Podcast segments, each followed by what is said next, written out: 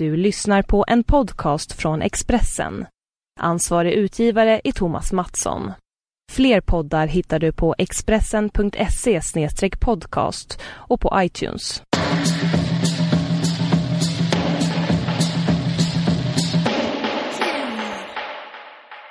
Hej! Hej, hej, hej!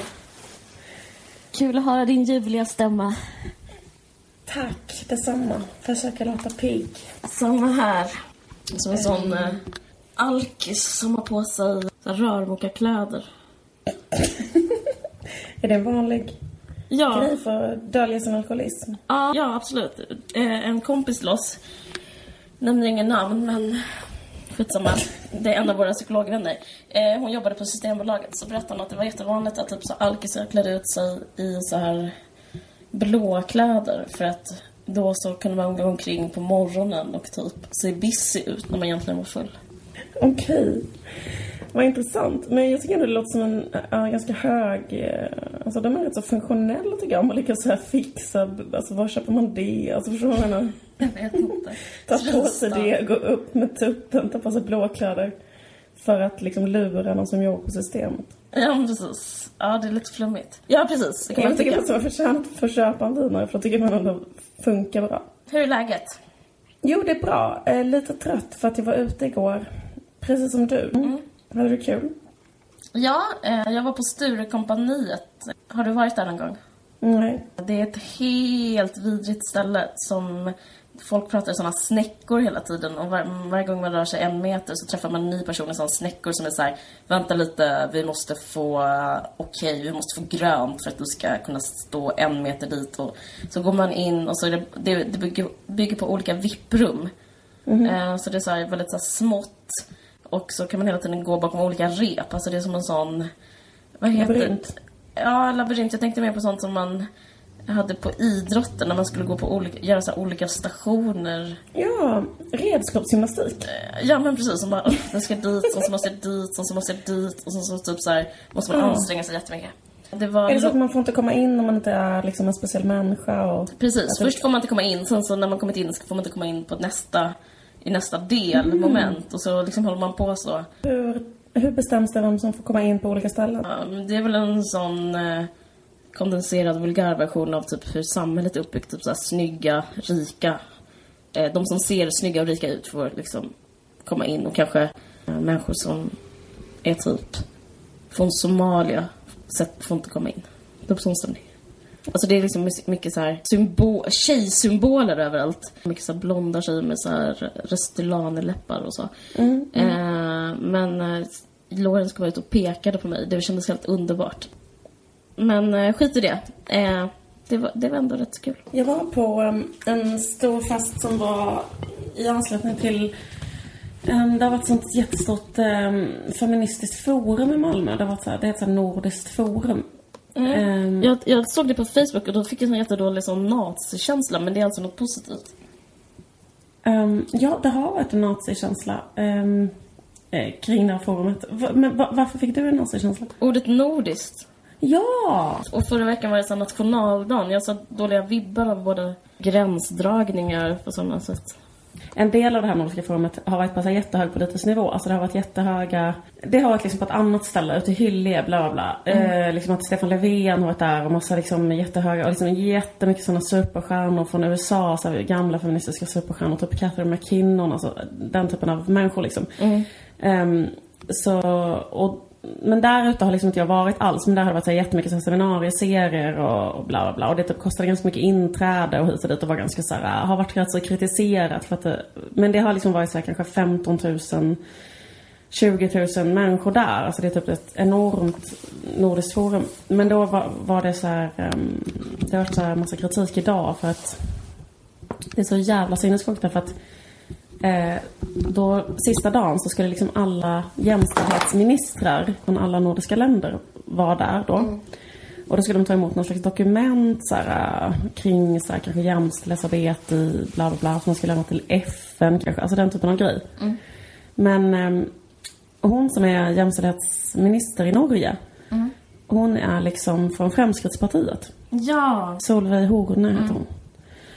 Eh, och hon skriver också, det är så himla konstigt att liksom, för det är ändå ett väldigt så här, ehm, förstår du, liksom ett så här feministiskt sammanhang. Som handlar om liksom Jämlikhet. jämställdhet och så här, och sen så, så är det ändå väldigt obehagligt att den typen av människor liksom bara figurerar där. Grejen att hon ska också inviga Europride. Men det finns ögonblick ju hon här har sagt. extremhöger och eh, queer går ju hand i hand. Alltså för att de populistisk har- grej att eh, is, in islams face typ. Inte Gert Wilders. I Holland, vad heter det partiet i Holland håller på jättemycket med den grejen. Ja men precis, exakt. Hotar... Um, Hotar bögers rätt, queer, Ex- queer rätt. precis, exakt. Hon har sagt så här, Solveig Horne. Eh, tjejer har också ett ansvar när det gäller våldtäkter, att inte hamna i de situationerna. Och våldtäkterna beror till stor del på invandrade, invandrade män med en medeltida kultur. Ja, så var hon. Vidrigt. Ja, men så det kändes så här, det, det, det gjorde att allting fick en jävligt så här sunkig vibb på slutet. Otroligt sunkig vibb. Tjejer har själva ett ansvar att inte hamna i de situationerna där Alltså ansvar situationen eh, livet, vadå eh, ansvar för, till att födas typ. Det är så helt sinnessjukt sagt.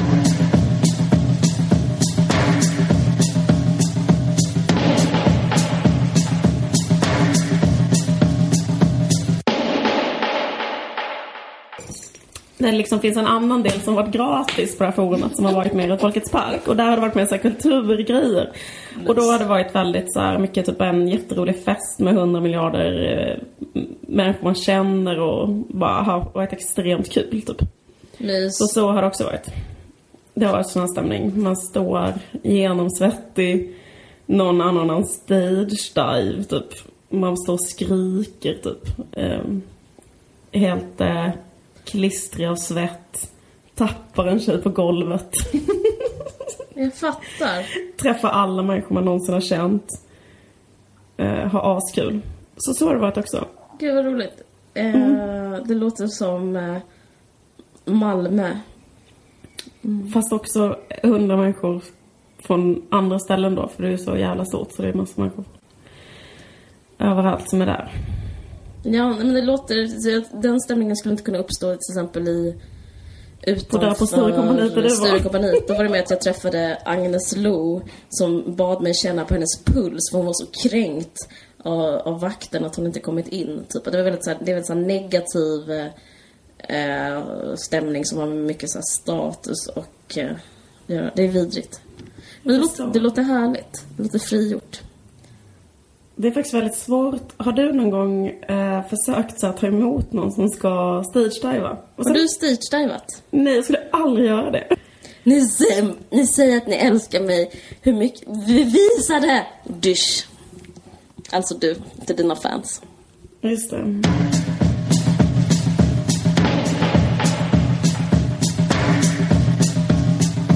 Det har varit en jättestor debatt med, med kaninöron på jättestor och debatt också inom kaninöron. Eh, om så här musikkritikens eh, värde, eller, eller liksom Ja. så här inflation. Det skrevs en grävande artikel om själva liksom recensions eh, och hur den har utvecklats de senaste åren.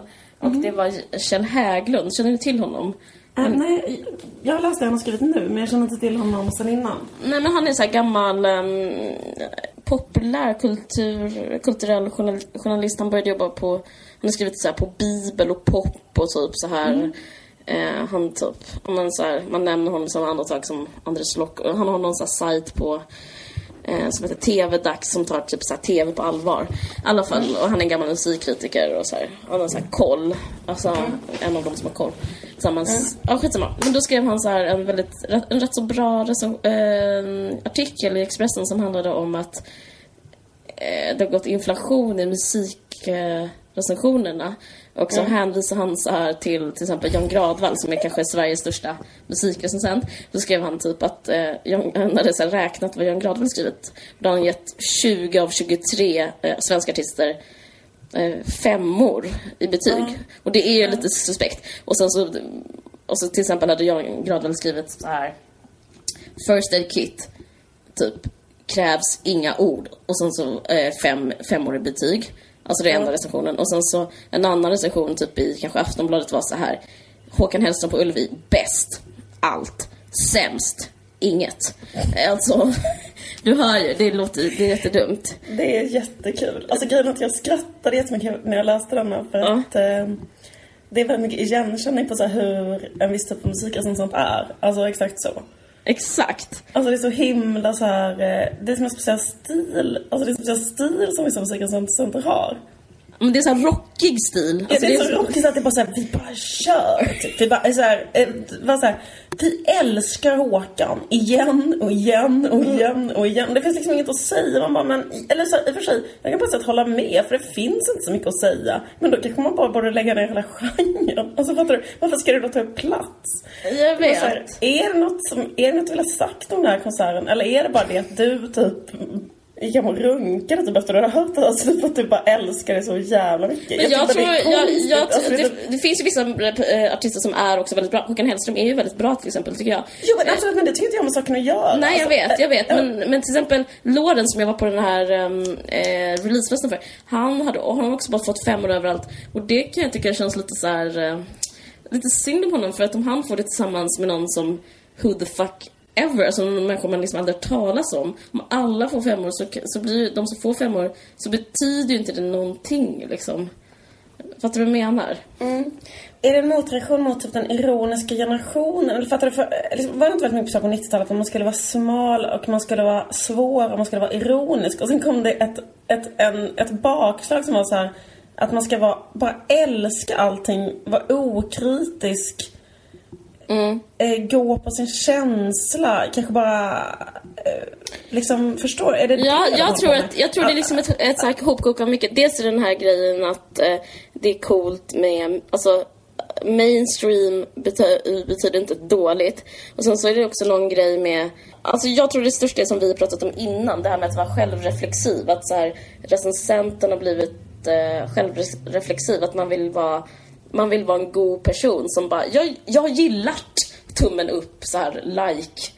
Eh, det, det är så mycket härligare att lajka än att inte lajka på något sätt. Jag tror det, typ det är en sån grej. Och det är så här genomsyrar hela journalistiken, kulturjournalistiken. Jag tycker att jag har fått så här smaka på den sleven. Eh, jag gjorde så här, eh, om Lukas Moodysson, att det, det, det kändes så himla ovanligt. Jag kände inte igen mig att skriva den typ av eh, artiklar typ att skriva så här kritiskt om någon. Och samma med så här Marcus Jons, när han skrev kritiskt om Sigge Eklund. Alltså, han har ju rätt att skriva att han upplever att Sigge Eklund är narcissist. Alltså om han kan motivera det liksom. Och jag har ju rätt att så här frågasätta Lukas Moodysson. Ja, precis. Och det, det, och, men till exempel fick ju Robin ingen kritik. Man vill bara ha det gött. Det är som, så, jag- jag- som en sån middag när man inte ska prata om... Vi pratar inte om pengar eller politik. Så upplever jag så här kulturjournalistiken. Kan vi inte bara ha det bra, typ? Ja. Men det är också, det är också intressant, för man undrar då för vem? För att jag tänker till exempel en sån recension som du beskrev, där de bara skriver så här, ord är inte nödvändiga. Femma. Ja. Men det jag tycker liksom, om just den här grejen så här, varför?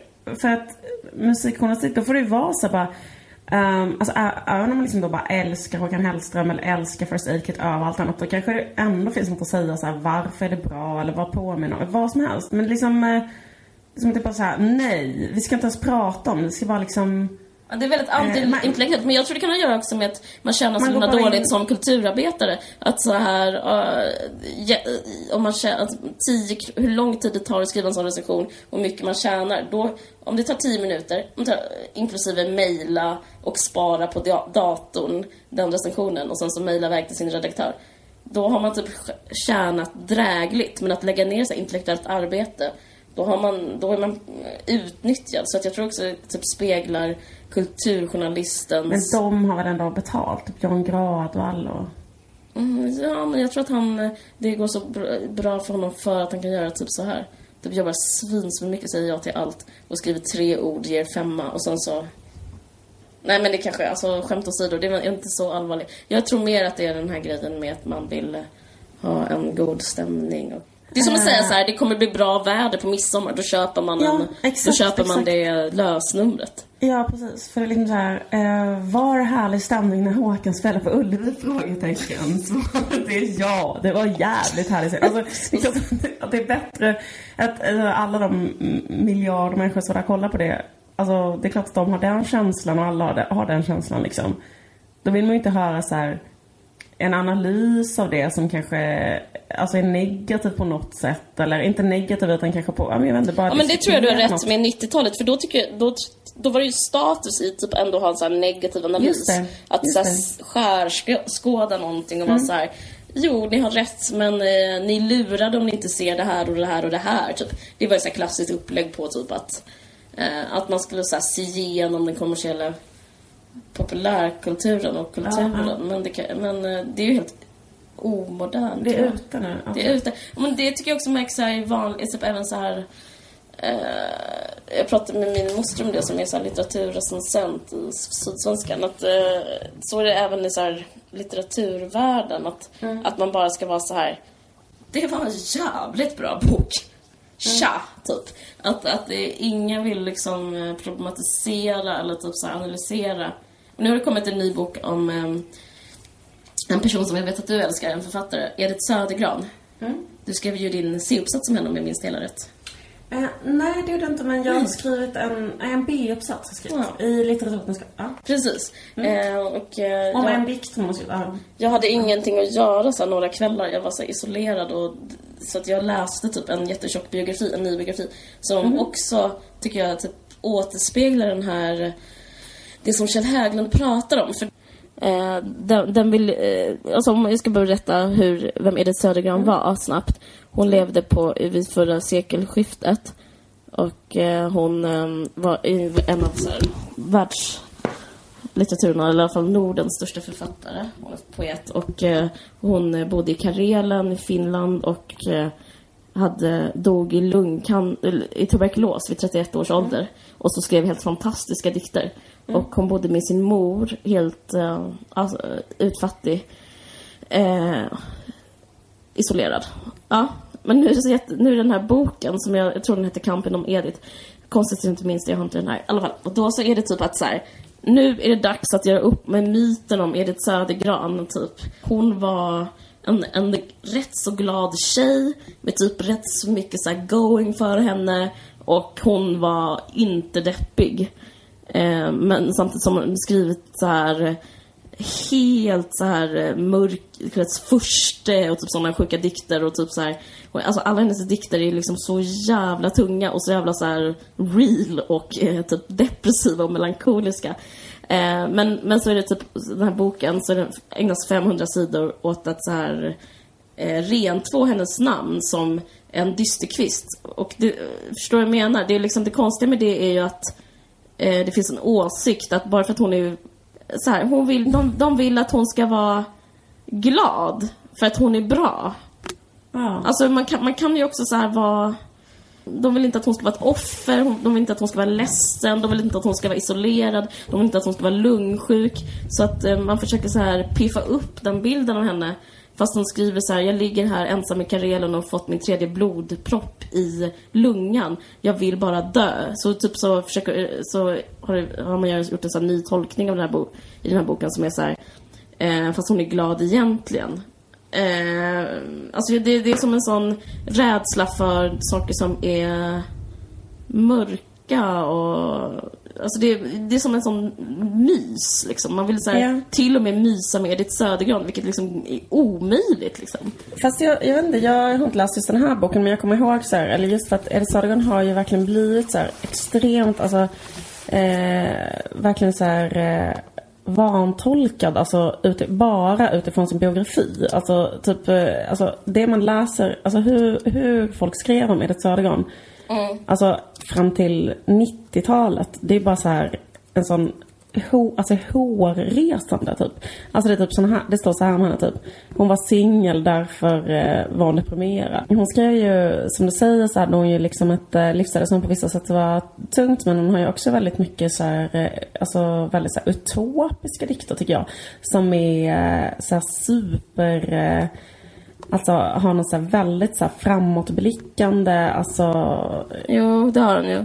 de här eh, som handlar om typ Hon var på med style krossa mannen, spegel, falska spegel, eh, liksom det här med stjärnor utan svindel. Ja, visst. Liksom hela den här eh, Hon har också dikter om feministiska champagne. utopin. Vad sa du? Hon har också dikter om champagne. Hon gjorde många dikter. En som heter Skum. Alltså hon är väldigt mycket så här som, ja, som Elmer Diktonius hatade. Men jag, men jag, kommer, jag kommer ihåg så här, eh, för hon har skrivit en dikt som, nej, typ hennes mest kända dikt är ju så här Dagens svalna mot kvällen. Mm.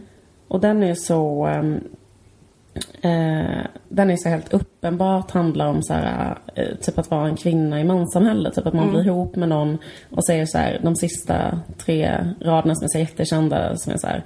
Eh, Du sökte en blomma och fann en frukt. Du sökte en källa och fann ett hav. Du sökte en eh, kvinna och fann en människa, typ. Du är besviken. Ehm, och då så här, hur, hur så här, litteraturhistorien har tolkat det, det är så jävla sinnessjukt. Och då är det typ så här. Eh, det, handlade in, det handlar inte om en man. Eh, det handlar om henne själv. Eh, det är att hon har en dialog med sig själv. Så här har så här manliga litteraturkritiker skrivit om detta. Eh, det är en introspektion på slutet. Eh, hon har skrivit fel. Hon har skrivit så här, eh, du sökte en frukt och fann en blom. Alltså det är så mycket, så mycket så.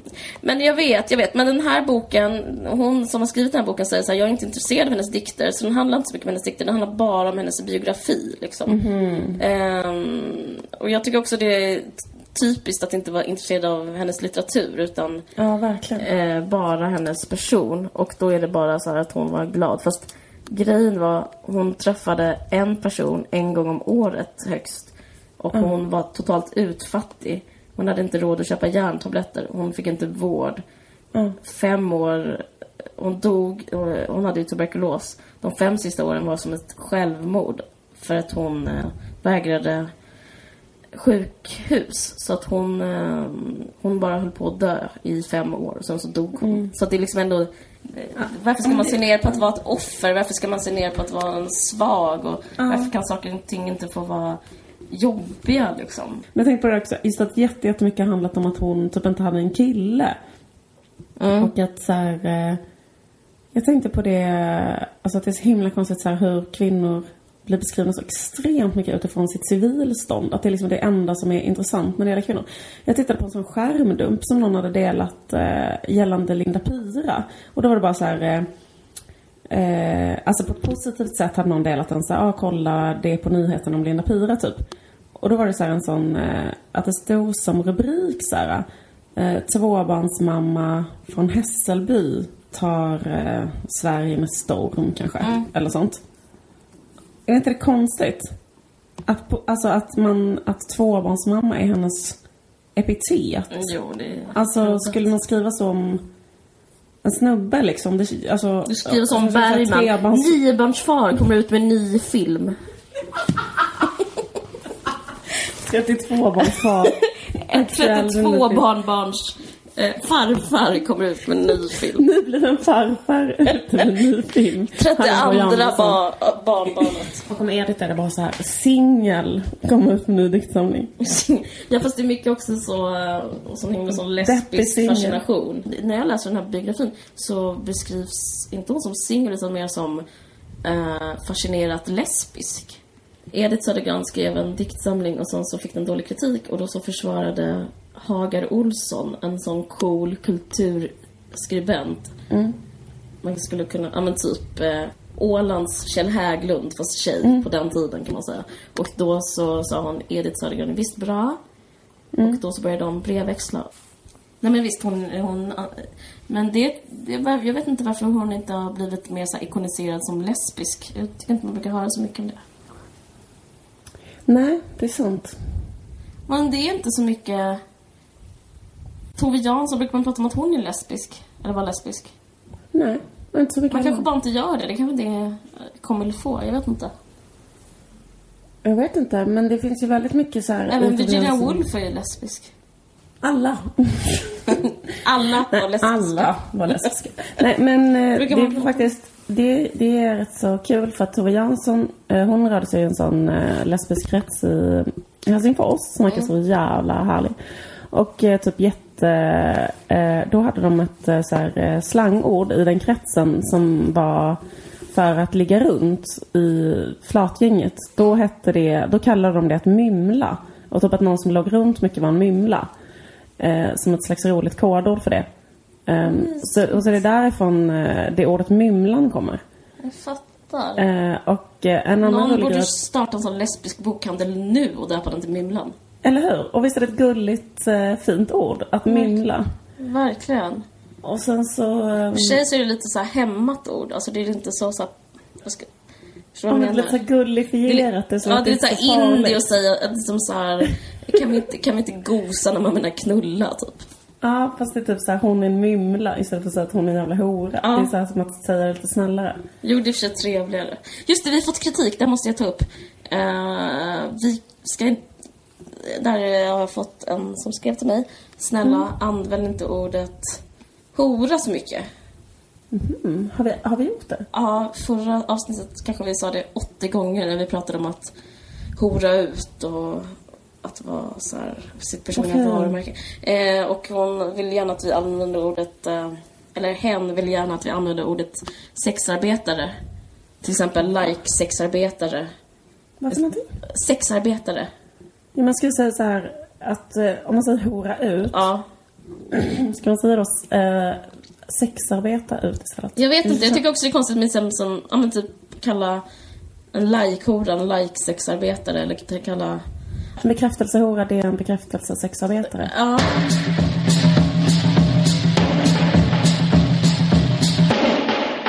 Den spanska kungen har ju abdikerat.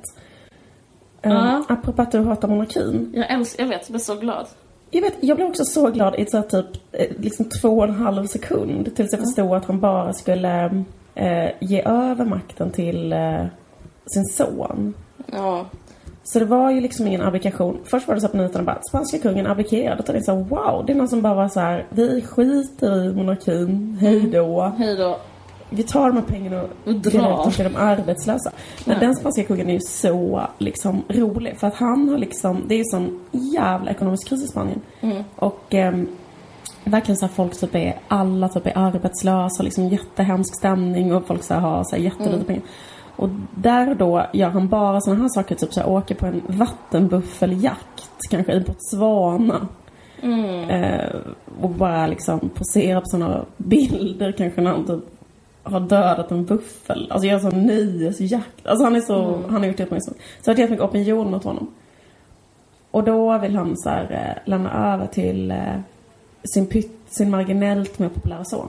Men jag tycker roligt, jag har ju bott i Spanien lite grann så jag har så här um, eh, fått lite inblick i det svenska kungahuset. Den sonen som ska ta över det, han är så otroligt eh, liksom trög. Alltså han är så jävla liksom, han kanske har IQ 84 liksom. Han bara är så, han liksom bara så typ, han bara sitter så här still och så, och sen liksom det konstiga, han var så här jättelänge var han eh, liksom ogift. Så var det så här typ att helt plötsligt en dag, bara out of the blue, alltså verkligen så här från ingenstans. Så skulle han plötsligt gifta sig med så här Spaniens absolut mest så här kända, snygga, jätteframgångsrika så här nyhetsjournalist. Det är som att motsvarande kanske, jag ska tänka, kanske Jenny Östergren. Eller, Eller Tilde Paula. Nej men typ ännu smartare, fattar du? Typ så här, hon har ändå vunnit så här kanske, hon är supersnygg, hon är mycket snyggare än alla dem. Och sen har hon ändå vunnit så Katrin här. Kelos.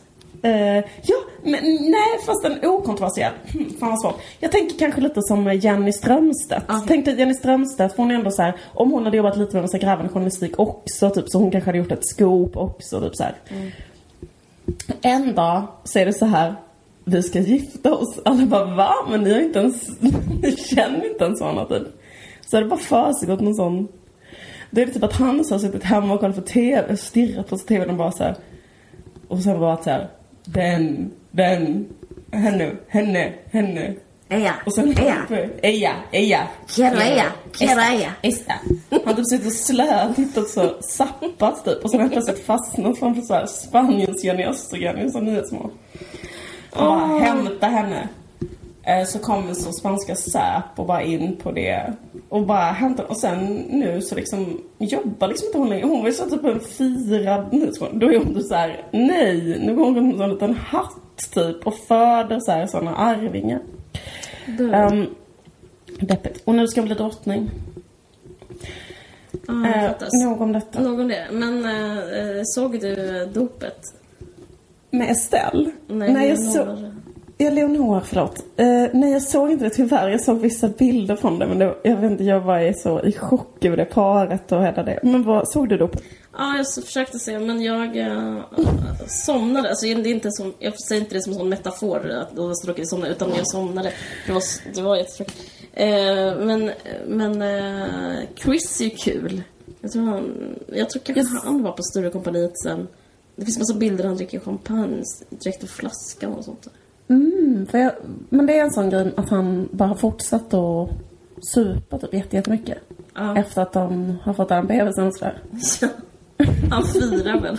Rökte han under dopet? Han rökte. Han Blåste kyrkan? rökvingar.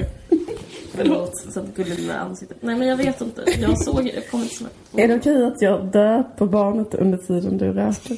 Är det... De frågade... Men Madde kallas ju Siggen. Alltså de röker ju båda två.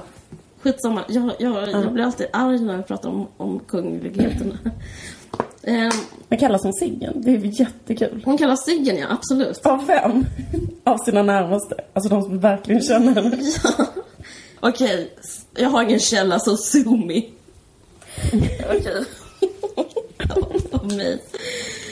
Åh, gräv.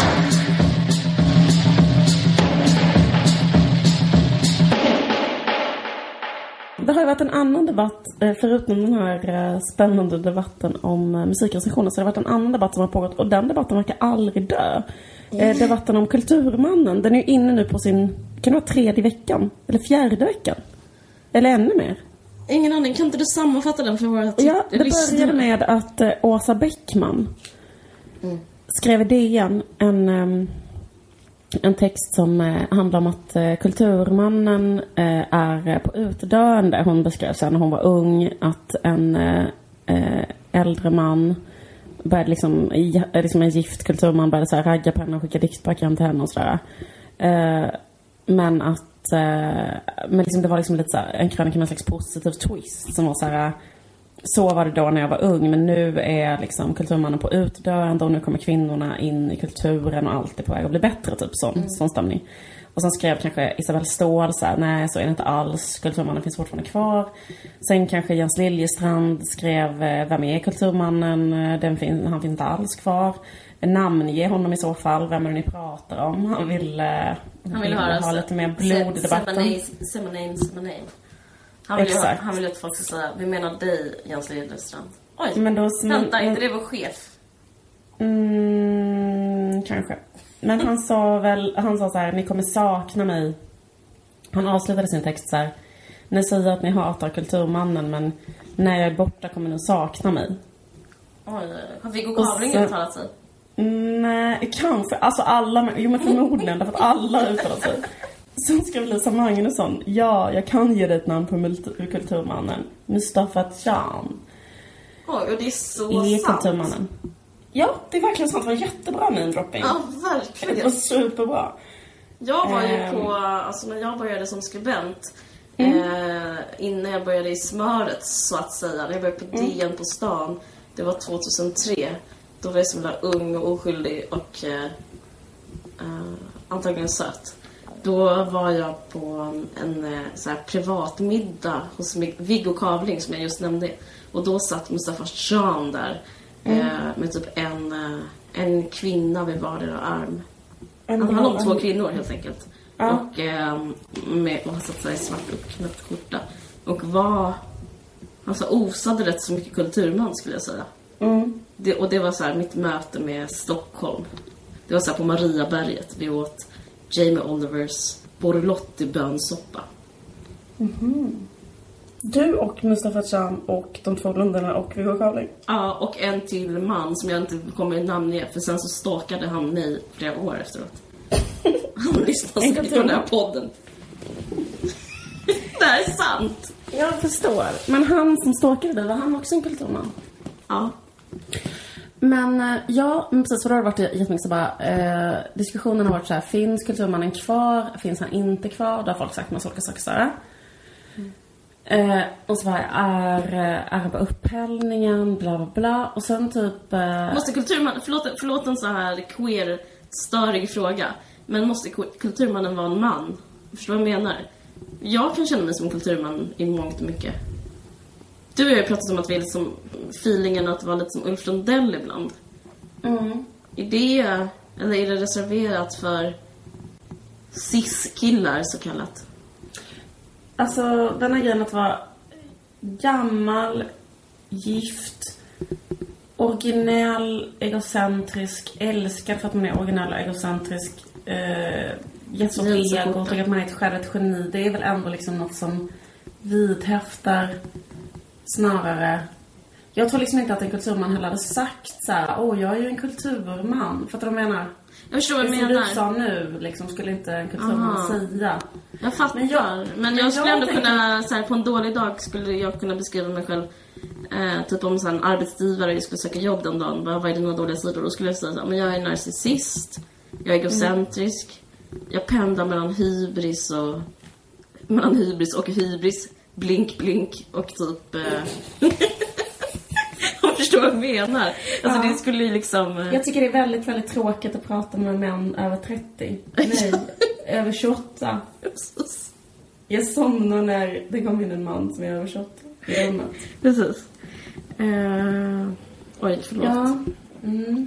Nej okej, jag förstår, förstår vad du menar. De finns. Okej, och vad, berätta, vidare. Jag, jag Ja, nej, jag ska bara berätta om debatten. Ja. Eh, Hon namngav, det är han, eh, det är honom hela debatten om. Nej men sånt. Men, nej men jag vet inte, men sen skrev Elin Grälsson Almestad en skitbra grej tycker jag. För då skrev hon såhär bara, det där med att kulturmannen har fått minskad makt eller så. Det handlar liksom inte om att så här, kvinnor typ har eh, direkt liksom fått mer makt och så. Det kan liksom handla lite om det men, men hon menar på att det handlar om att kulturen överhuvudtaget har liksom blivit så mer tillbaka tryckt i samhället och liksom har, har mindre makt. Alltså typ att hela, ja men så här, du fattar, typ teatrar får mindre pengar, den grejen liksom. Och att istället så här, så pekar hon ut så här, mediemannen som den nya kulturmannen, typ att så här, alltså man kanske inte kan säga att det att de har samma vulgära manschauvinism men att så här, kanske media ändå, om man tänker, om man tittar på in, om man tittar in eh, Men jag vill höra produktions- namn här, om, om det är Mustafa Ja, men jag skulle kunna säga till exempel, ja men inte att de är, de behöver kanske inte vara as, men jag tänker på så här, alltså att, det, att om man tittar på ett här, produktionsbolag kanske i Stockholm, eller alltså vem är det som gör tv-program, vem är det som har Mm. de pengarna, vem är det som så här, är med hela tiden och har eh, jättemånga eh, medieprodukter out there hela tiden och har piss mycket pengar och alltså hela den grejen. Just det, Ebba Witt-Brattström har också skrivit eh, liksom gällande detta att så här, kulturmannen är typ så här eh, jättevidrig och måste utrotas och typ hela den grejen. Men jag kan känna så här, eh, alltså på ett sätt så fattar jag varför sådana här debatter bara pågår. För att de är så lite kittlande. Det är lite grann samma där med musikrecensenterna, att det är så här, ja de är helt men, men det är ju någonting som är så jävla på riktigt så här o, oanalytiskt med det liksom. Att om man vill analysera typ makt eller vem som har makt eller så. Då är det verkligen så en extremt så marginell spelare. Alltså, alltså om vi ska prata om så här, finns det liksom framsteg för kvinnor? Håller kulturmannen på att dö ut? Alltså Mm, är det så okej. att kvinnor har liksom typ utrotat? Är det så att Ja. kvinnorörelsens framfart har Ja. gjort att kulturmannen har tillbakapressats och dött ut så här? Mm. För jag tänker liksom att om man beskriver verkligheten så.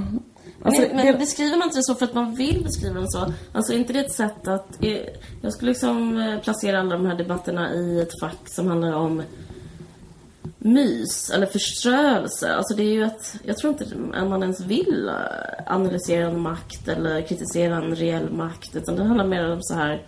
har något att göra. Ja men ha, ja, typ så här, ha ett, eh, det passar vinet, det passar maten. Alltså det är så middagsbords... Det påminner mig om så här borgerliga sällskapslekar. Är Istället typ så för att eh, någon broderar och någon annan spelar ett stycke på pianot så sitter man och pratar om så här Hoho, kulturmannen. Det finns ju inget så här hotande det alls. Utan det är Nej. typ som ett lösat korsord nästan. Ja, men en sak som jag, en, en sak som jag tycker är jobbig med det där, om man ska kolla på så här mäns makt kanske globalt eller så. här. Det är bara en så här jättestor grej där, det är ju ekonomi. Då. precis då liksom så att, så här, det. Ja, att liksom, är det någon som har makt så är det väl den ekonomiska mannen. Alltså, alltså Ja, men det, är- det är inte lika så här konversatoriskt. Alltså förstår du vad jag menar? Det Nej, det är inte det. Eh, och det, det skulle vara... Det skulle vara en intressant debatt så här att eh, den allmänbildningen som krävs för att prata om kulturmannen, den är mycket mer... den är mycket lägre. Ja, den är mycket lägre och mycket mer generisk. Den, det, det går bara att typ titta sig omkring. Alltså det handlar mer om eh, liksom vara i sitt absoluta nu på något sätt. Känner inte till mediemannen, för Ja. mediemannen går ju också att känna igen att det är, Ja. ja. vilka är det då? Ja men det är då typ Sigge och Alex Ja. och Felix Herngren och Filip och Fred. Alltså liksom det är så här, Mm, ja men de kan ju också, ja, de kan också titta på. Johan Rheborg att så fort det är en ledig halvtimme i SVT2 så ska de lära sig något nytt. Och så, ja. Vi fiker liksom Ja, en jättestor ja, del av våra skattepengar till att Kvotera in, eh, vi håller på med kvotera, inkvotering av Killinggänget. det gamla, gamla medlemmar av Killinggänget ska lära sig, när, lära sig något nytt. Då ska alltid SVTs TV-team vara där och så ska det Ja. handla om att de gör något liksom. Men det är Precis. också på ett sätt liksom väldigt lätt att få syn på. Ja, men det kan man bara titta, bara se på TV-tablån eller bara titta, sätta på TVn men, eh, och se den där kvoteringen. Men, men det kräver mycket mer av en att här, sätta sig in i ekonomi. Alltså det, är- det är utanför ens comfort zone. Liksom. Det är, Jag pratade så med en gammal börsmäklare om den här grejen. Och eh, summan och kardemumman är så här. Ja, alltså grejen med ekonomi det är ju att ingen vet någonting. Alltså den typ av eh, så här eh, börsmäklarekonomi. Det handlar liksom bara om tolkningsföreträde och ta, ta sig utrymme. Där kan man verkligen prata om vem som eh, sätter agendan för saker och ting. Liksom. Man ska, eller den där bubblan, finansbubblan på Island. Det var också typ en grupp av så här killar, alla var så här unga också. Som hade sån hetsig sån killkultur. Typ Ja. som att vara så här som ex, extremsportare.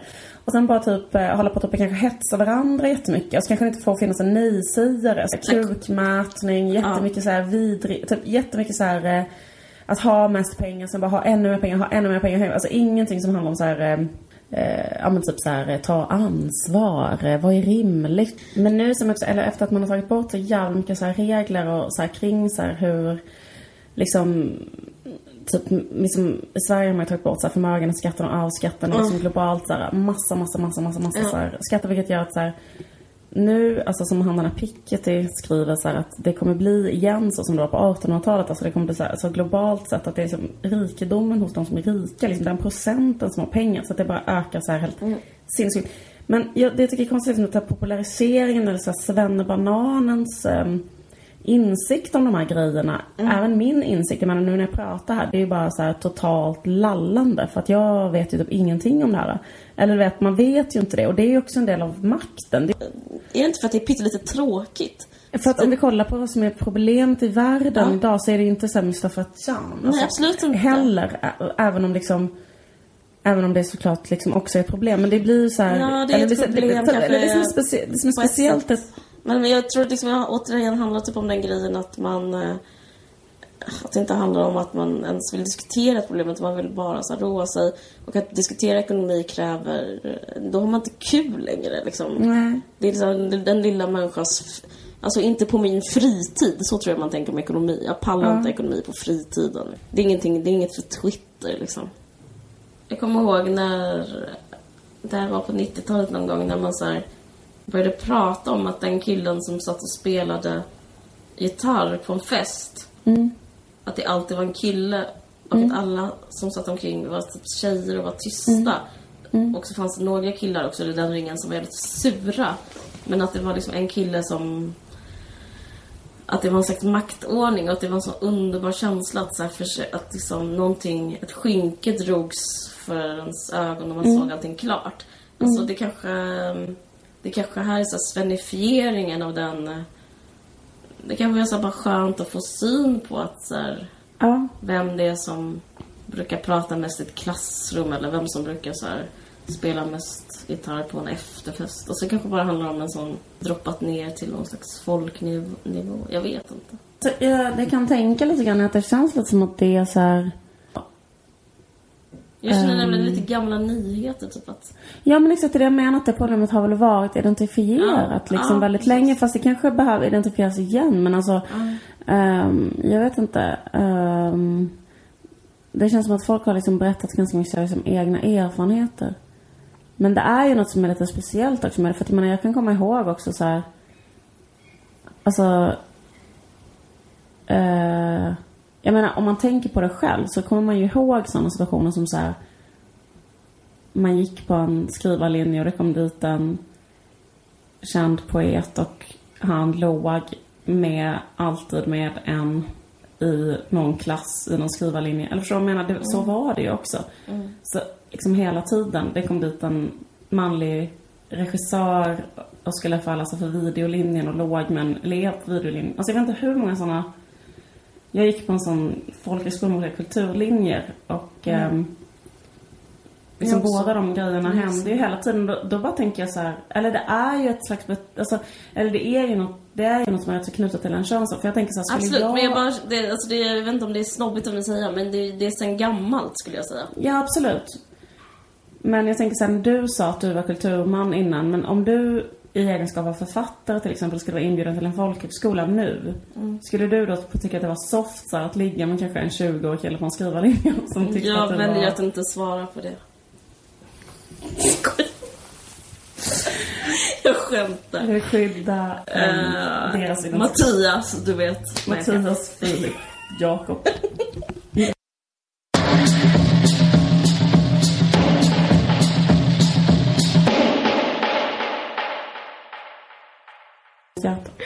Nej, Men jag kommer också ihåg den här grejen att jag det vet var inte. typ men jag en tror att det... gift, som typ en gift regissör med barn som är så här 35. Kommer dit, ligger med en 20-åring, börjar ha kontakt med henne. Jättekonstigt. Jag bara tycker det är weird. Jag bara tycker faktiskt på riktigt det är superkonstigt. Av kulturmännen. Mm, konstigt beteende. Jag tycker inte det är konstigt. Tycker du inte? Nej. Alltså det är konstigt. Alltså det är sorgligt men det är totalt förståeligt. Det är typ så här att man känner sig kränkt för att man är fast i ett jävla parförhållande och man har liksom rätt att ha det lite gött once in a while. Typ så. Så tror jag att det är rätt Det är bara för att man kan, typ. Ja, och att man så här, eh, man tycker att man förtjänar mer än att kanske Ja. vara ihop med en tjej hela livet. Mm. Alltså det är så grandiost tänkande. Det är, jag tror i och för sig, jag tror det kanske försvinner lite mer och mer för det är så oattraktivt. Det är liksom gamla skolans, ja men det är typ så här. inte, Picasso kanske var sån. Jag vet inte. Ja, gud ja. Absolut. Att man bara, jag kan inte tacka nej. Picasso tackar inte nej. Typ. Att det var ett sätt att vara. Men ehm, jag bara tänkte, jag trodde typ såhär skämt om Ulf Lundell och Torsten Flink och Persbrandt. Jag vet, känns så det känns gammalt. väldigt- ja, alltså, jag bara absolut. tänkte såhär, eller såhär, De är, alla de är typ i fängelse nu och hemlösa. Det känns så Så, så jävla peta på någon som ligger under en bro. Bankar på med en pinne bara. Är du död? Är du död?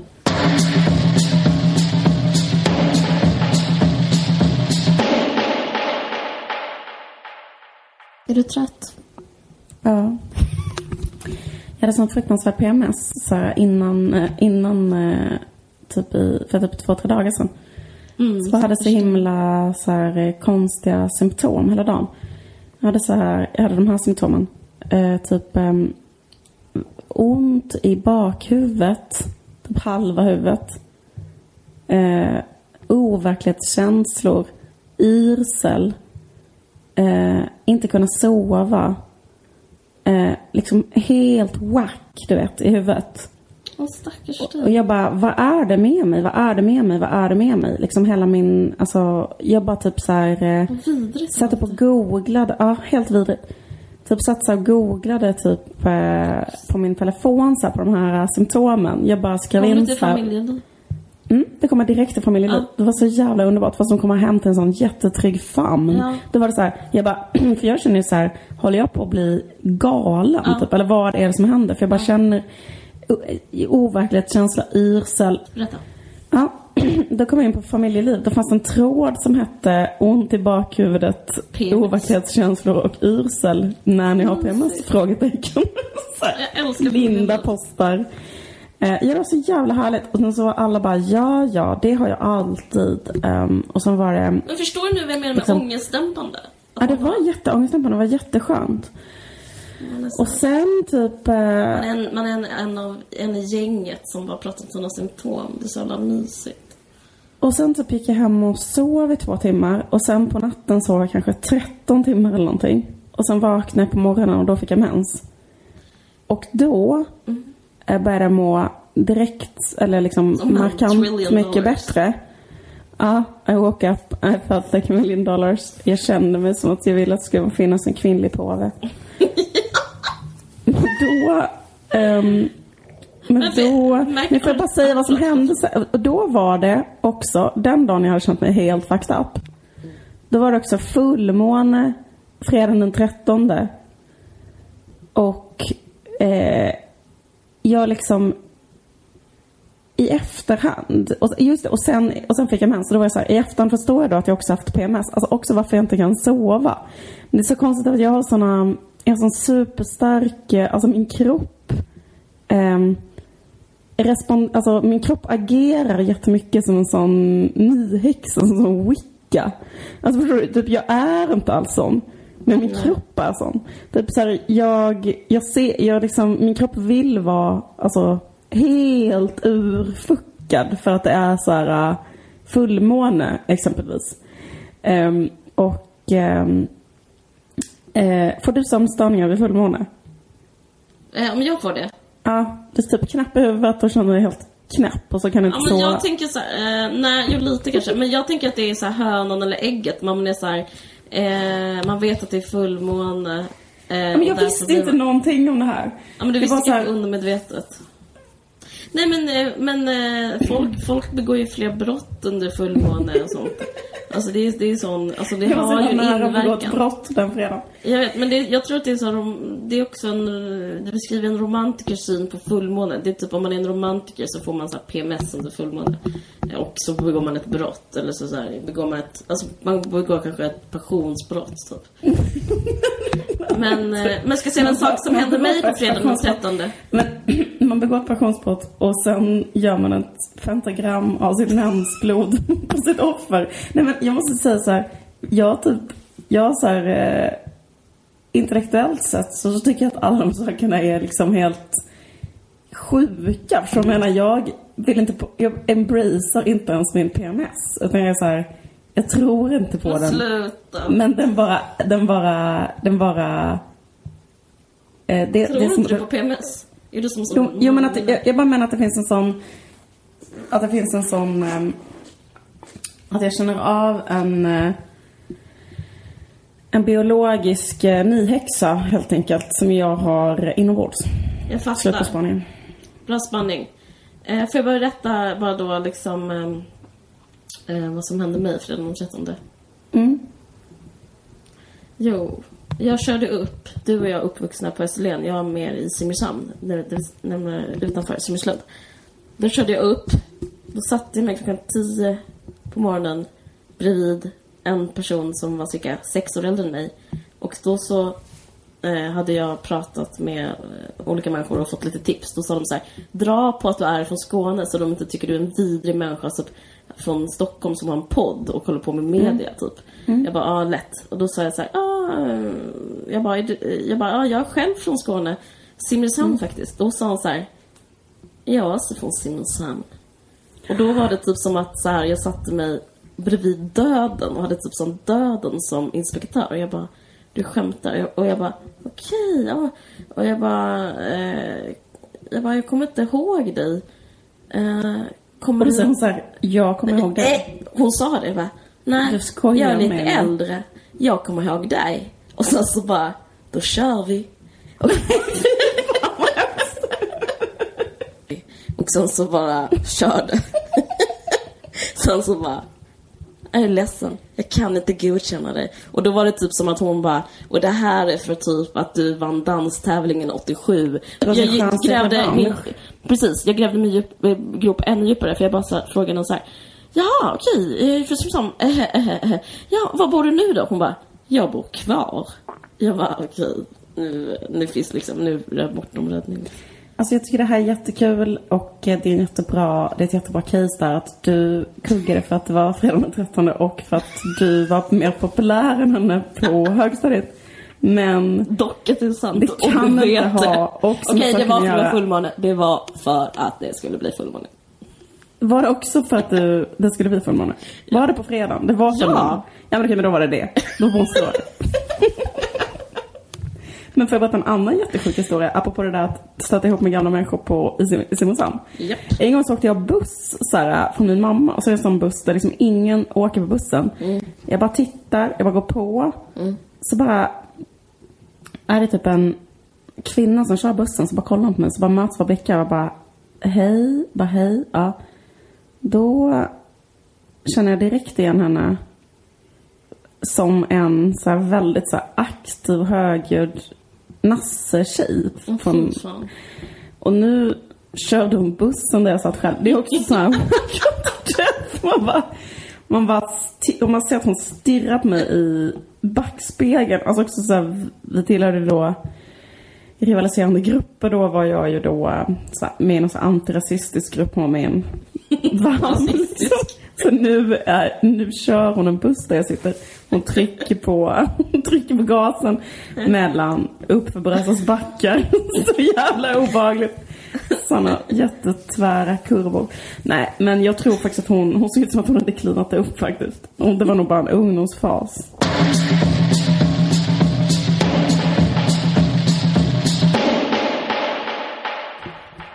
Hur som helst.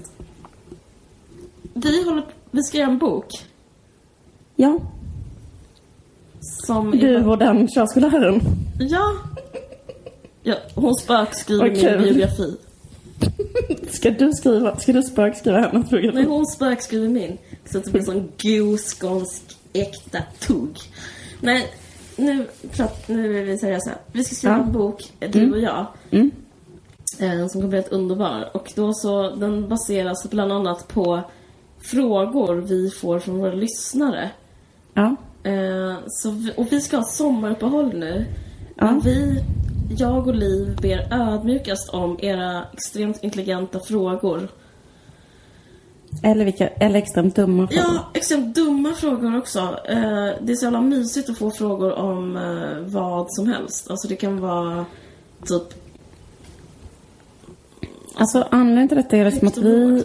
Ja men precis. Vi, när vi har fått vi har fått olika frågor till podden innan så har vi tyckt att det var så himla kul att typ svara på dem. Att det, och då tänkte vi att man kan göra en bok av det också. Att man, ni får alltså en chans att vara med i boken kan man säga också Absolut. som att om ni har en fråga så kan ni underteckna med något som ni vill heta i boken. Det är asfett. Och så kan ni få eh, svara på... mm, Ni kan få våra svar på vad som helst som ni undrar. Och det behöver inte vara... Det kan vara vilken fråga som helst. Och det kommer sen tryckas i en bok, eh, riktig bok. Vi ska inte göra sån, det är inte vulkan det här, utan det är så här riktig bok eh, som kommer ut på ett riktigt förlag och det kommer i så fall eh, våren 2015. Så det blir, eh, det vore asfett. Vad, vad skulle du vilja ha för slags fråga från lyssnarna? Alltså jag älskar såna frågor som man kan, man börjar i det lilla och så blir det upp till det stora. Jag tyckte om den där frågan så mycket som var så här. Nej, jag har två favoritfrågor som vi hade. Den ena var, jag gillar typ alla, men den, den här frågan så här, min kille tycker alltid sig. Eh, ska jag ge honom sig? Mm. Eh, jag gillar ju honom men eh, det blir typ lite dyrt. Och så gillar jag den här frågan vi fick. Jag vill inte konkurrera med kvinnor men jag känner konkurrens typ. Hur ska man göra för att undvika så här, kvi- kvinnokonkurrens? Och sen så en som vi inte svarat på än som är den här. Eh, berätta om din relation till ditt eget mörker. Alltså vår, vår, våra mörka sidor, eller destruktiva sidor. Typ och sen skulle jag kanske vilja ha en fråga kanske om stil eller liksom... Jag tycker det är kul att så prata kanske om så här hår, alltså här mode och sånt också. Mm. Vad ska jag göra med mitt hår? Ja, Ja, det, det är en bra... Det är en bra fråga, Spalt. Som var jättebra. det är så kul. Det skulle läsa. Ja, det är så himla kul att läsa. Alltså frågespalter är alltid min bästa del av en tidning. Mm. Och eh, Då hade de så extremt eh, ut, eh, liksom utbroderad frågespalt. Med, med eh, massa olika teman. Liksom typ kärlek var en, kanske en, sex var en, relationer var en, pengar kanske var en. Alltså var så här, man kunde få dem här frågor om kärlek och relationer och sånt också. Absolut. Vi är också jätte, jätte, jättebra på det. skojar bara. Vad sa du? Vi är jättebra på det, sa du? Jag skojar bara. Ja. Man får ringa och fråga GES om det. Var kul. Ja men nu, det känns lite sorgligt nu för nu ska vi ha sommaruppehåll. Jag tycker att det är intressant att eh, ändå var det Niklas Strömstedt som skrev den här Jag är en jävel på kärlek. Jag är en jävel. Ja. Sjung mer. Jag är en jävel på... Jag kommer inte ihåg typ... Kyssa tjejerna. Ja. Eh, m- m- men jag tycker att det är rätt så intressant att han först skrev den låten och sen blev han ihop med Jenny Östergren. Det är så affirmation. The Är det som. The Secret? För jag tänker ändå att han på något sätt... eh, nu, jag, jag tycker det är svårt att säga att den låten är dålig därför att den har visat sig att den var... Liksom att han hade täckning för att vara så. Mm. För att eh, jag... Varför är inte du musikrecensent? För, jag borde bara ta tack. Du tyckte det var så bra. Ja, men om jag skulle recensera den där Jag är en jävel på kärlek skulle jag säga så här, Det är omöjligt att säga att en jävel på kärlek är något annat än en, Att han är en jävel på kärlek. Dåligt. Inget. Dåligt. Sån. Nej, men jag tänkte på att innan jag skulle tänka om jag var en um, jättetrög monark som, som eh, satt i Sverige och skulle välja en fru som skulle vara den mest perfekta frun. Då, när jag skulle komma på den svenska motsvarigheten, då kom jag ju på Jenny Östergren. Mm. Alltså Jenny Östergren skulle vara mitt liksom förstahandsval om jag skulle tänka att en, alltså om jag skulle tänka, om jag skulle tänka lämplig fru ur alla aspekter. Okej. Då skulle hon vara mitt val. Och det är också Niklas Strömstedts val. Han har tagit det, liksom det mest liksom... Han plockade kronjuvelen. Han plockade kronjuvelen i hela Sverige. På något Sveriges sätt. alla nyhets... Och Sveriges ankare alla- inom livsstils nyhetsjournalistik. Ja, precis. Fan, Den som kanske är mest åtråvärd. Och... ehm, eh, ja, precis. Och därför så, så har han rätt när han säger en jävel på kärlek. Mm. Absolut. Okej.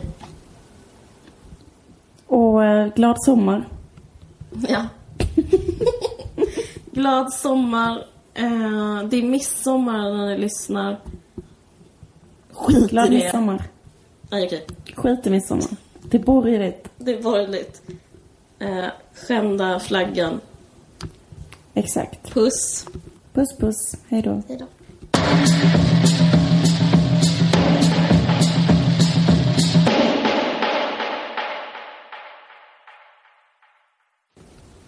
Eh, jag ska bara säga att vi heter Caroline Ringskog Frödenåli heter jag. Du heter, säg det. Liv Strömquist. Och och- den här podden görs i samarbete med Expressen Kultur. Mm. Hej Hej då. Glöm inte att skriva en fråga till oss. Man kan skriva den till vår Facebookgrupp kanske. Ja, och om ni tycker det känns genant att skriva den på wallen så går det att skriva i meddelandeform också. Just det, och om man inte vill ha med sitt namn, eh, då får man ju självklart, behöver man absolut inte ha det. Man kan också hitta på ett namn, något som man alltid velat heta. Ja, exakt. Okej. Hej då. Du har lyssnat på en podcast från Expressen. Ansvarig utgivare är Thomas Mattsson. Fler poddar hittar du på expressen.se podcast och på iTunes.